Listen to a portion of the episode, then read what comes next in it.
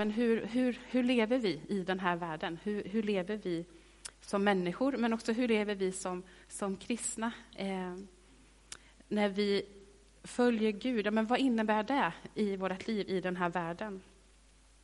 Hur ser ett kristet liv ut och gör det någon skillnad i, i livet och hur vi, hur vi möter den här världen? Hur tar det sig uttryck? Och jag tar med den frågan i predikan idag. Vi har predikat från Romarbrevet eh, och nu är vi inne i, i den sista av tre delar. Och Romarbrevet handlar ju om Ja, men titeln eh, som vi haft för predikotemat har varit Så räddar Gud världen. Det handlar just om ja, men hur räddar Gud den här världen? Hur, om evangeliet. Och jag tänker att ibland när man tänker på det temat så kan vi ta det väldigt liksom, individualistiskt, att det handlar om om en Gud och mig och min relation med Gud, den blir bra igen. Men det är någonting mycket större än så. Det får mycket större konsekvenser än så. Evangeliet får konsekvenser på mycket större plan i våra liv. Det är ingen privatsak, utan det får eh, konsekvenser i livet. Så hur ska vi leva i, i världen som, som kristna? När Paulus skriver det här brevet så skriver han till församlingen i Rom. Som Margareta berättade om lite här innan så var det en församling där det fanns både de som var judar, som hade börjat tro på Jesus som Messias, eh, och som kallade sig kristna. Och sen var det också de som inte hade en judisk bakgrund, som kallades för hedningar, och det var romare, som hade en helt annan bakgrund. Och det fanns en del spänningar mellan de här grupperna, som vi har pratat om i tidigare predikningar också. Men Paulus har här i brevet gjort det tydligt att alla ni olika grupperingar, alla ni eh, är lika inför Gud. Ni har alla, har, eh, alla är vi syndare, alla har vi skuld inför Gud, alla är vi frälsta av nåd i, i tro, inte på grund av våra laggärningar. Och sen så har Paulus också diskuterat några olika frågor om ja, men om det finns nåd nu då, ska vi fortsätta bara synda så att nåden blir större? Nej, självklart inte. Och nu kommer han till sista delen i kapitel 12 till 16, där han beskriver det här nya livet då. När ni har fått ta emot nåden, vad, vad händer då i era liv? Och när vi pratar om frälsning, att bli räddade, så kan man tänka att man blir räddad ifrån någonting. Men Paulus beskriver också att vi blir räddade till någonting, till ett nytt liv. Och det är det som vi ska läsa om, om idag. Och jag kommer fokusera på, på kapitel 12 i Romarbrevet. Vad blir konsekvenserna? Hur ser det här nya livet ut? Och vi sa att kallar det för den nya livsstilen, men man skulle också kunna bara säga det, det nya livet eh, i, i Guds nåd. Eh, vi ska läsa hela kapitel 12, men jag börjar i vers 1-2 som är, liksom, lägger grunden för det här. Då står det så här. Därför uppmanar jag er, bröder, vid Guds barmhärtighet, att frambära era kroppar som ett levande och heligt offer som behagar Gud, er andliga gudstjänst. Och anpassa er inte efter den här världen, utan låt er förvandlas genom förnyelsen av ert sinne, så att ni kan pröva vad som är Guds vilja, det som är gott och fullkomligt och behagar honom. Paulus börjar i ett därför. Alltså allt det här andra som han har sagt innan, vad Gud har gjort för dem, hur han har räddat dem, hur hans nåd har fått verka i dem. Därför så kan han uppmana dem. Därför, allt som han säger nu är eh, en konsekvens av, en följd av den nåd som de har fått ta emot, så blir det, livet blir en respons till Gud. Och han säger, frambär era kroppar som ett heligt offer. Och det kanske vi inte så ofta uppmanar varandra med. Det är lite annat språk här än vad vi kanske är vana att använda. Men ett offer till Gud, det handlar om att, att ge någonting till Gud som en gåva, någonting frivilligt som vi ger. Och han säger att det är en andlig gudstjänst, att, fram, att ge våra kroppar. Eh, I en annan översättning så står också att frambära er själva, alltså hela oss, att vi får, våra liv får vara en gåva till Gud. Och det här, att han använder kroppen här, eh, kunde nog folk reagera på. Tidigt i den, i den eh, kristna rörelsen, i kristendomen, så, så fanns det två rörelser som den ena sidan kunde tycka att ja, men kroppen, det är någonting liksom, eh, inte så bra, inte så andligt ont. Det, den ska vi liksom späka och plåga för att vi ska bli mer andliga. Men sen fanns det också eh, å andra sidan man tänkte att nej men, kroppen, den är inte så viktig, så vi kan göra vad som helst i kroppen. Det spelar ingen roll, för det, det påverkar inte vårt andliga liv. Men Paulus tänker jag, går emot båda de synsätten här när han visar att nej, men det som händer i er kropp, det som ni gör med hela er själva, det, det är er andliga gudstjänst. Det är högst viktigt i det andliga livet också. Det är inte separerat. Och Paulus är väldigt tydlig med att det här tankesättet som en del hade där, det, det är inte Ehm, så som en sund kristen människosyn är, utan att vi är en helhet. Eh, och allt i våra liv eh, kan eh, förhärliga Gud och kan vi ge som gåva. Att ära, att ära Gud med, också med våra liv och med våra kroppar. Så det är ett, ett gensvar som vi gör till Gud i tillbedjan. Det behöver också bli förkroppsligat, det behöver liksom ta konkreta uttryck i hur vi lever. Och sen i versen här så säger Paulus också att, att vi ska förlåta oss förvandlas genom förnyelsen av ert sinne. Och det är liksom våra, våra tankar som här också är en, en central del i, när vi, i det här nya livet som vi får leva med Gud. När vi Eh, får låta Gud förvandla oss, så handlar det också om vårt sinne och våra tankar mycket. Jag tror där, det tror jag många kan uppleva, att det, det är ofta en kamp i, vår, i våra tankar. Eh, och där får också Gud komma in och byta ut vårt gamla sätt att tänka och ge oss eh, hans tankar och vi får förnyas. Att vi får lämna eh, våra gamla tankebanor, kanske våra gamla tankemönster och Gud, Guds sinne, eh, Guds ord får prägla oss. Och så står det att vi själva får pröva vad som är Guds vilja. Och hur ska vi veta det? Jo, man säger det som är gott och det som är fullkomligt och det som behagar Gud. Det är det som, som är Guds vilja och det är där Gud också hjälper oss att urskilja. Och sen så beskriver Paulus, ja, men hur, hur lever vi ett, ett liv där vårt liv får vara en gåva till Gud och får vara en tjänst inför Gud. Och det är någonting som gör med hela, hela vår person.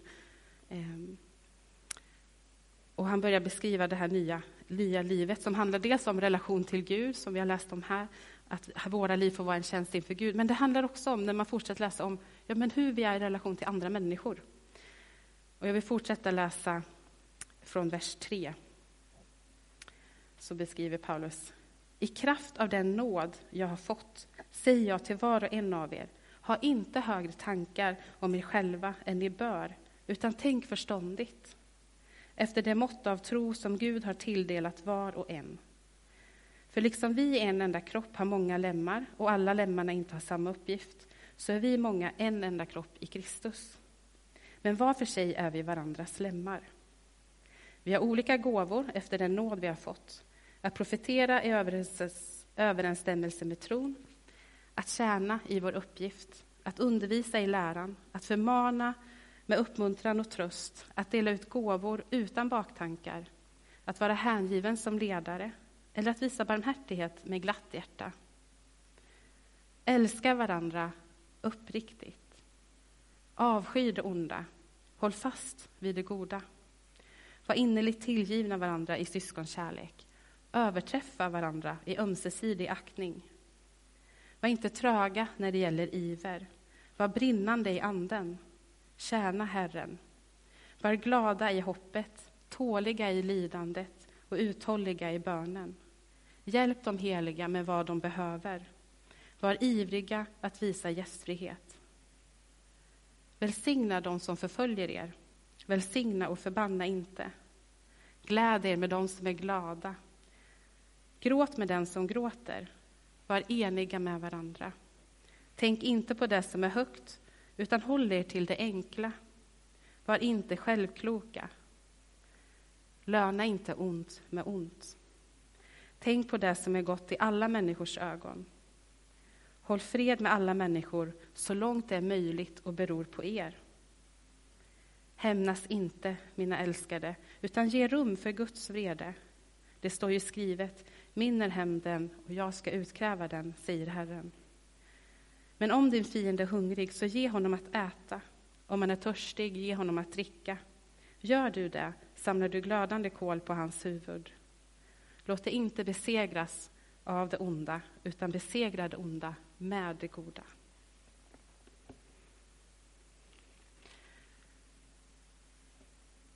Det finns mycket gott att hämta i de här orden. Och Paulus han inleder med att säga att i kraft av den nåd jag har fått så säger jag det här. Och jag tror att det är en viktig, viktigt perspektiv att ta med när vi läser det här, att det är i kraft av den nåd som vi har fått som vi lever eh, det här livet, som vi kan följa Jesus på det sättet, att leva så. Det är ingenting som vi gör i oss själva. I oss själva så kan vi inte kanske så mycket peppa oss till att vara bättre människor. Utan det, hand, det handlar inte om det, utan det handlar helt och hållet om Guds verk i oss. I kraft av Guds nåd så får vi, som man säger, inte ha för höga tankar om oss själva.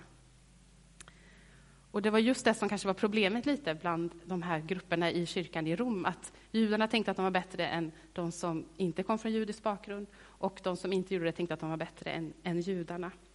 Och man såg ner på varandra. Och det här behövde förändras.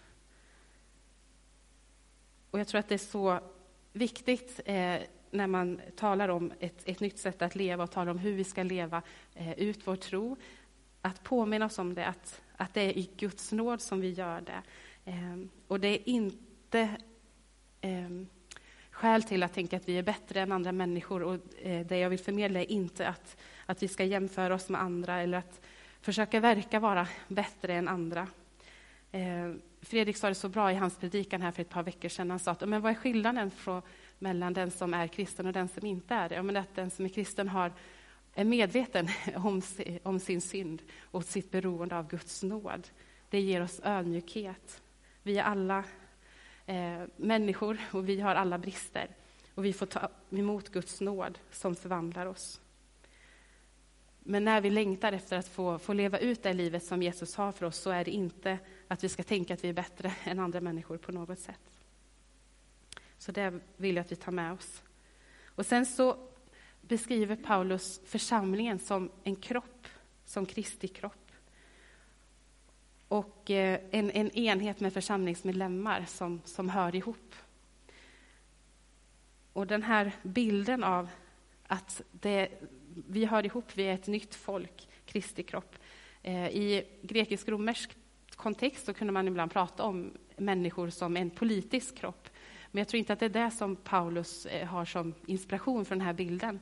För Paulus han var själv med när han var en av dem, innan han mötte Jesus, när han var en av dem som förföljde de kristna, så mötte han Jesus på vägen till Damaskus när han skulle eh, förfölja de kristna. Och så säger Jesus till honom, eh, varför förföljer du mig? Att Jesus identifierade sig med de kristna. Eh, att när Paulus förföljde dem så förföljde han också Kristus själv. Så Jesus för, eh, identifierar sig med sin församling och där beskriver han den här bilden av, av att vi är en kropp som hör, hör ihop med varandra och som hör ihop med Kristus.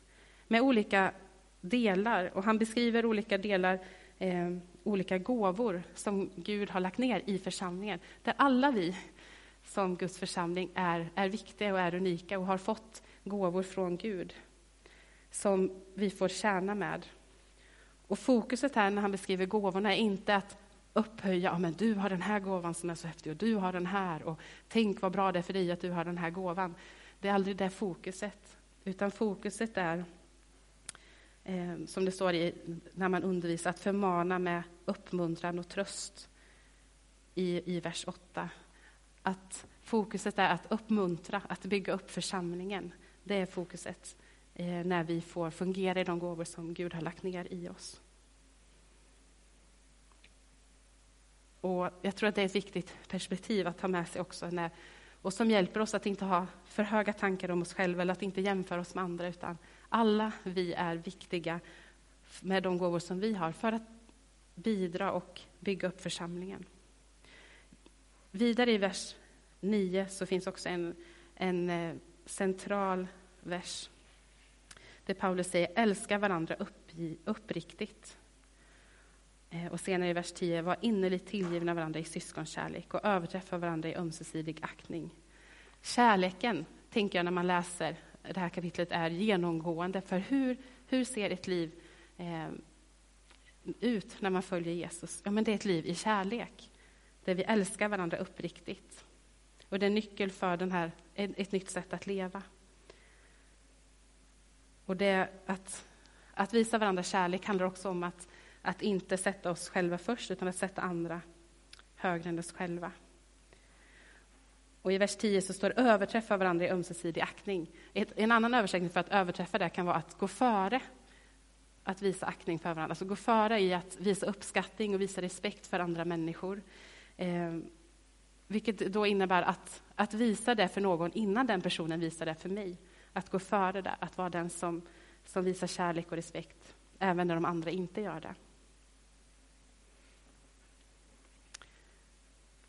Och sen så beskriver han hur den här kärleken får visas praktiskt också, att hjälpa varandra med det som behöver. Att visa gästfrihet eh, i vers 13. En kärlek som, som inte främst handlar om, ofta när vi pratar om kärlek så tänker jag att det handlar om känslor, att vi ska känna väldigt mycket för människor. Men det är inte riktigt det som Paulus beskriver här, utan det är snarare en, en kärlek som tar väldigt praktiska uttryck. Att, uh, att visa uppskattning, att visa respekt för andra människor, att att hjälpa praktiskt när det finns behov och att visa gästfrihet, att, att vara generös med det man har. Och den här eh, kärleken som de ska visa, det handlar inte bara för eh, församlingen och för de egna eh, medlemmarna, utan det sträcker sig också eh, utåt. Och vi läser i vers 14, så så skriver Paulus att välsigna de som förföljer er, välsigna och förbanna er inte. Alltså även de människor som, som du kanske kan uppleva är dina fiender, de som gör livet svårt för dig, de som förföljer dig. Förbanna inte dem, utan välsigna dem. Det tänker jag också är en, en kärlekshandling, att kunna göra det. Och man kan ju tänka att det hade varit utmanande nog att visa en sån kärlek till människor i församlingen, som man ändå har någon slags samhörighet med. Men ändå där man har, hade stridigheter. Men Paulus säger, ja men även de som förföljer er, och på den tiden var det verkligen människor som förföljde och ville döda dem. Eh, välsigna de människorna.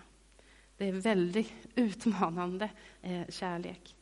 Ehm, men Paulus säger att det, det, det, är så vi får leva när vi har tagit emot Guds nåd. Att även när man är utsatt och även när man känner sig eh, trängd och hotad så kan Gud ge oss kraft att också älska och välsigna. Och den här kontrasten mellan att förbanna någon och att välsigna någon. Tänk att förbanna någon, det är att verkligen dra upp en gräns eh, mot den människan. Men alltså att välsigna är att, att räcka ut en hand snarare och ta bort gränsen. Och jag tror att det här är någonting som vi behöver väldigt mycket i vårt samhälle idag, där vi gärna vill eh, sätta upp gränser mot människor. Så visar evangeliet på ett annat sätt att leva, att, att välsigna även, inte bara de som tänker olika som oss, utan också de som vill oss illa, får vi också vara med och be för och välsigna. Och att bemöta alla människor, människor lika. Och Paulus skriver också att inte bara tänka på det som är bäst för mig, utan att tänka på det som är gott i andras ögon. Att inte löna ont med ont, att hålla fred med människor så långt det går an på oss. Det är också en viktig eh, påminnelse. Vi får göra det som vi kan, att hålla fred så långt det är möjligt och beror på mig. Jag kan inte ta ansvar för andra människors agerande, men, och det förväntas inte Gud av oss. Men så långt vi kan, eh, att hålla fred. Det är också någonting som vi längtar efter i vår värld och som vi ber om, ber om fred. Och Paulus säger också att besegras inte av det onda, utan besegra det onda med det goda. Jag tänker att det är så lätt att det onda besegrar oss och att vi vill ge igen. Men Paulus säger att det här, här får vi också vi, eh, låta det onda, eh, det goda segra. Och det är också ett sätt att inte anpassa sig efter världen, utan och världens sätt att agera och reagera, utan att få förnyas eh, av, av Guds ande. Så Paulus beskriver här ett, ja, men ett, ett, ett sätt att leva, en inställning i relation till människor. Hur ska vi agera i den här världen? Det får konsekvenser, inte bara i min relation till Gud, men också hur jag är med andra människor. Där hela vårt liv är en gåva och en, en gudstjänst inför Gud. Och där vi hur vi behandlar våra människor runt omkring oss, de som vi delar tro med och de som vi inte delar tro med. Även de som hatar eller förföljer oss. Att där visas också Guds nåd i våra liv.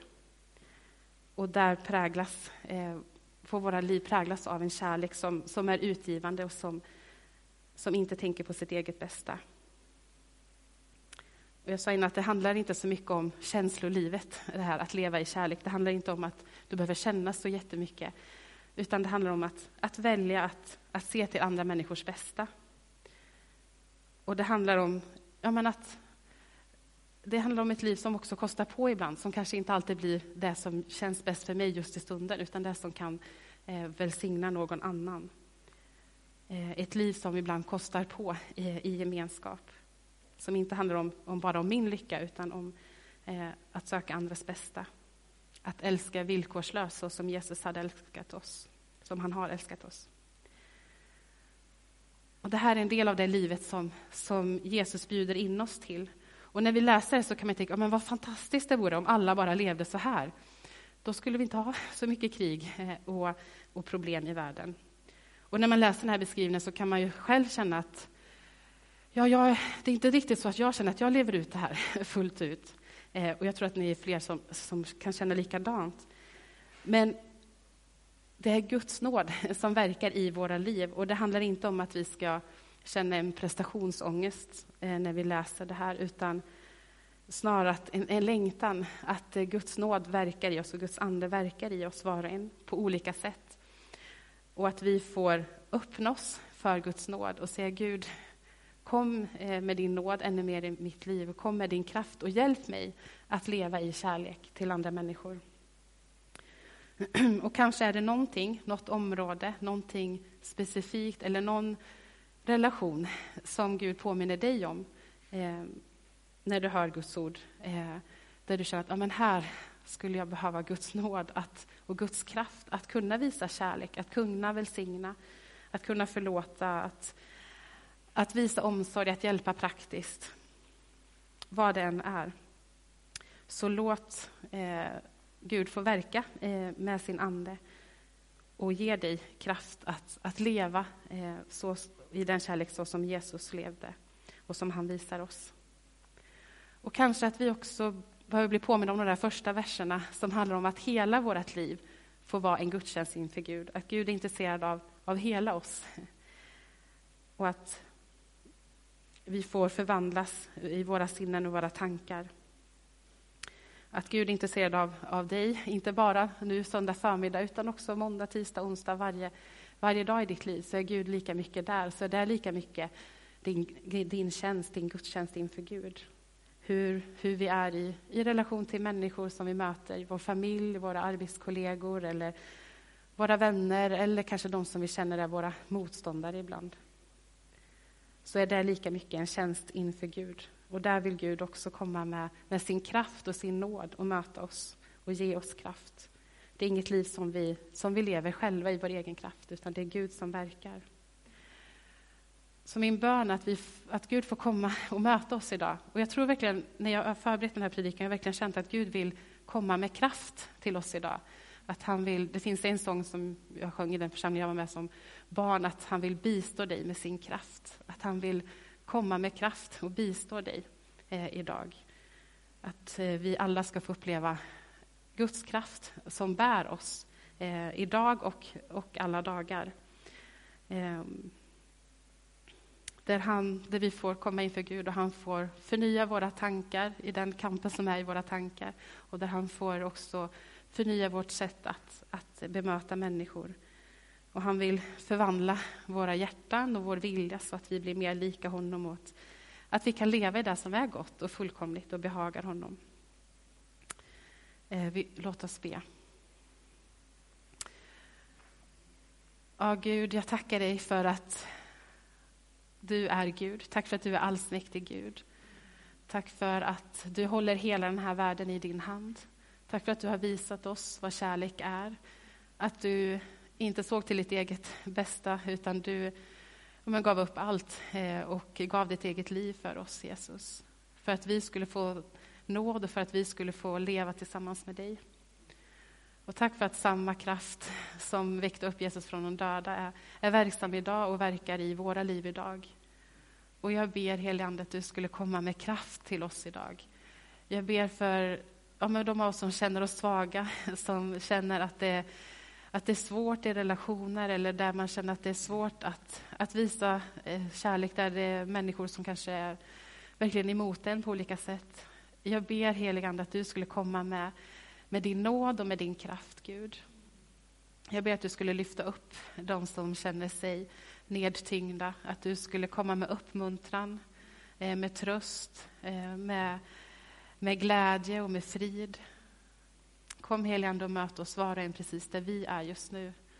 Och tack för att du ser ja, men våra liv och eh, var vi är just nu. Mm.